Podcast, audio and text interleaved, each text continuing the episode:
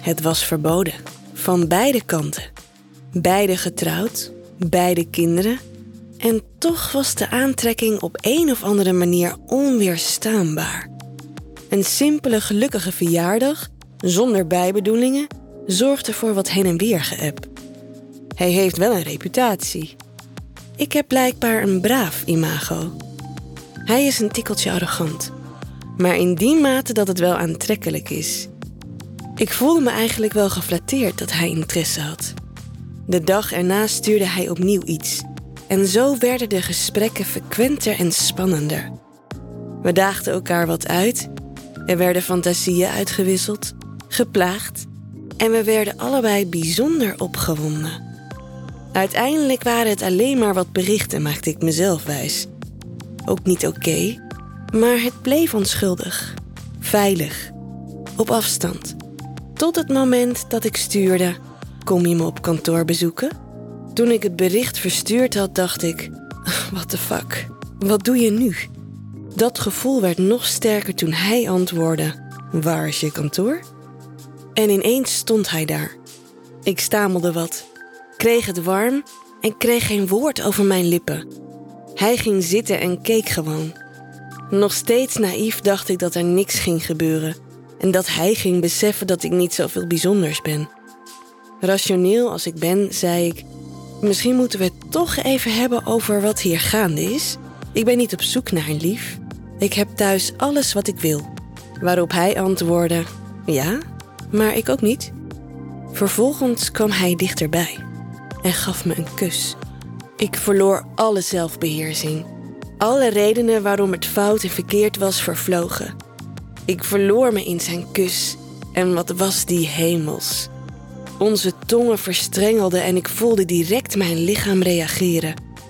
Of het de kus was of het feit dat dit zo fout was, weet ik niet. Maar ik vergat alles en wou hem gewoon. Zijn hand ging naar beneden tussen mijn benen. Ik had een jurkje aan, dus hij had weinig obstakels. Al snel schoof hij in mijn slipje. Hij fluisterde hoe lekker nat ik was en begon me te vingeren. Ik was volledig van de kaart, verbijsterd en zo opgewonden en geil. Veel meer was er die dag niet mogelijk, door een vergaderzaal met veel glas en collega's die in de ruimte ernaast zaten. Hij vertrok en stuurde vanuit de auto direct een bericht. Blijkbaar was hij dezelfde mening toebedeeld. Als dit een voorproefje was. We hoorden elkaar dagelijks en de gesprekken werden heter en de spanning opgebouwd. De klok terugdraaien ging al lang niet meer. Het was enkel wachten wanneer we beide tijd hadden. Ik ben uiteindelijk op een middag naar hem thuis gegaan. Hij deed de deur open en trok me naar binnen. Er werden geen woorden gewisseld. Hij kuste me direct en zijn tong zocht de mijne, gretig en heet van verlangen, terwijl we verder binnenstrompelden. Al kussend trok ik mijn jas uit terwijl hij me ongegeneerd begon te betasten. Traag en afwachten was niet aan de orde. We wisten beiden wat ik kwam doen. En ik had op voorhand wel eens aangegeven dat hij niet te braaf moest zijn. Hij duwde me tegen de muur. Zijn knie gleed tussen mijn benen en duwde ze open. Ik voelde de gloed tussen mijn benen en wist dat ik nat werd. Hij zuchtte toen ik zijn pik door zijn broek begon te masseren. Zijn handen gingen over mijn lichaam, richting mijn kutje. Hij trok mijn panty ruw naar beneden en zakte door zijn knieën. Hij keek naar mijn geschoren kutje. Ik kon niet wachten, wilde zijn tong daar. Hij tilde me op en zette me op zijn bureau. Dan eindelijk begon hij me te likken. Zijn tong likte traag langs mijn schaamlippen mijn vocht op. Hij zoog op mijn klitje, draaide met zijn tong rondjes en ik verloor alle controle. Ik bewoog mijn heupen een beetje, zodat zijn tong op het juiste plaatsje bleef en leunde achterover. Ik voelde hem zacht bijten op mijn klitje, terwijl hij mijn kutje begon te vingeren. De dagenlange berichten zorgden ervoor dat ik al geil was voor ik bij hem binnenstapte.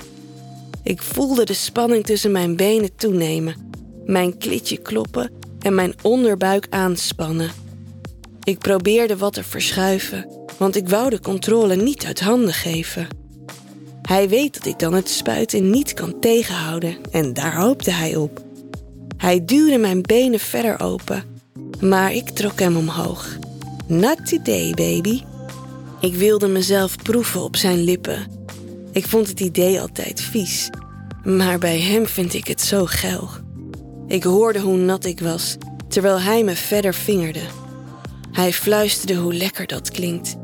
Ik deed zijn broek open om zijn harde pik te bevrijden. Ik begon hem te strelen terwijl we verder zoenden. Hij was hard en hij was er klaar voor.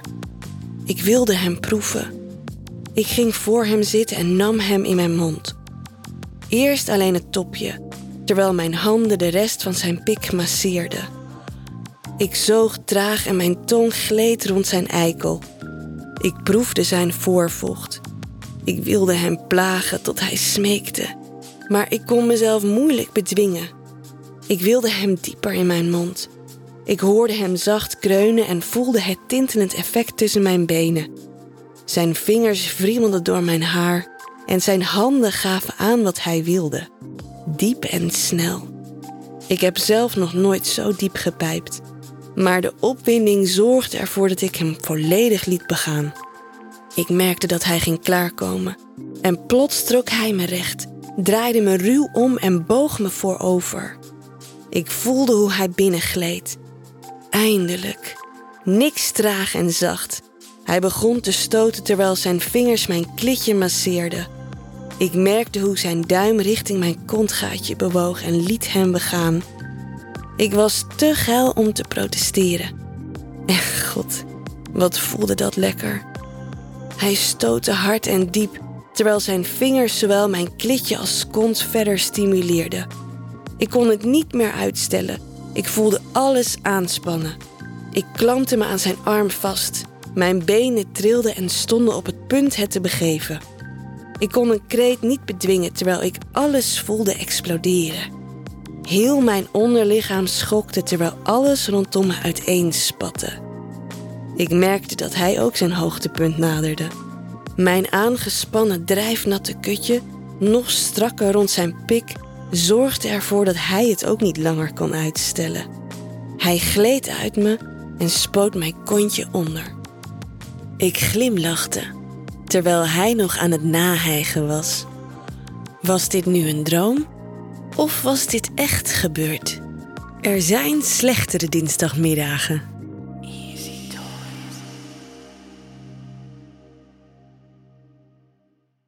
Wil jij nou meer spannende verhalen? Luister dan naar Charlie's Avonturen, een podcast van Easy Toys.